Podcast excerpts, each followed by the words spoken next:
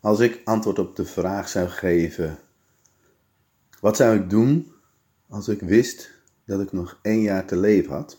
Dan denk ik vandaag: ach, ik ben een beetje dom geweest, want het is derde kerstdag en ehm, ik zou eigenlijk gewoon relaxed vrij willen hebben, maar ik moet werken. Werken in de zin van um, er lopen, heb ik net geteld, 2, 4, 6, 8 aanbiedingen af op 31 december.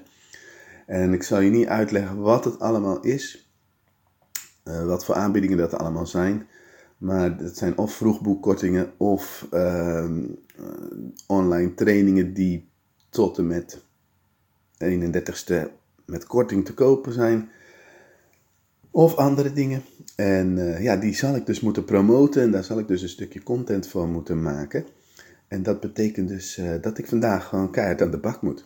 En niet dat ik dat vervelend werk vind, maar de timing. Dus als je mij vraagt wat zou je doen als je wist dat je nog één jaar te leven zou hebben, dan zou ik uh, vandaag uh, lekker relaxed bezig zijn met mijn kinderen, met mijn vrouw, met mijn familie, met vrienden. En uh, dat gaat gewoon op dit moment eventjes niet. nou ben ik echt um, heel dankbaar voor alles wat ik heb kunnen en mogen creëren. Maar het zet me stil bij dat ik, um, dat ik dit anders wil doen in de komende maanden. Dat ik evergreen funnels wil maken die ook echt goed lopen. En uh, dat betekent dat die continu in de aanbieding zijn. Of dat als ik volgend jaar een kerstaanbieding doe, dat die gewoon afloopt op kerstavond om 10 uur s'avonds. En dan betekent dat heb ik kerstvrij en tussen de kerst en oud en nieuw gewoon echt helemaal niets hoeven doen. Nou, um,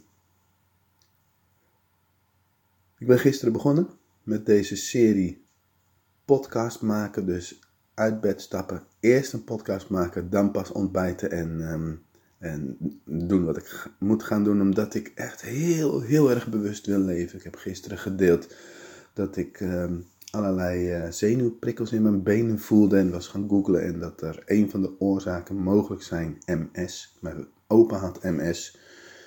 Mijn moeder, dat is eigenlijk de andere kant van de familie, is overleden aan ALS.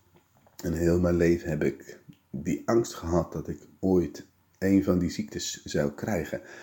En nou wil ik die angst eigenlijk omarmen door gewoon te accepteren dat, oké, als het gebeurt, dan gebeurt het.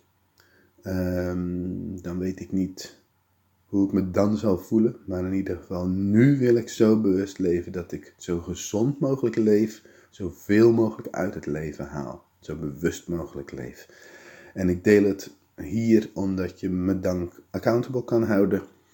En dat mensen mee kunnen luisteren ter inspiratie. En um, ik hoop dat je een fijne dag hebt en dat je gaat doen waarvoor je gemaakt bent.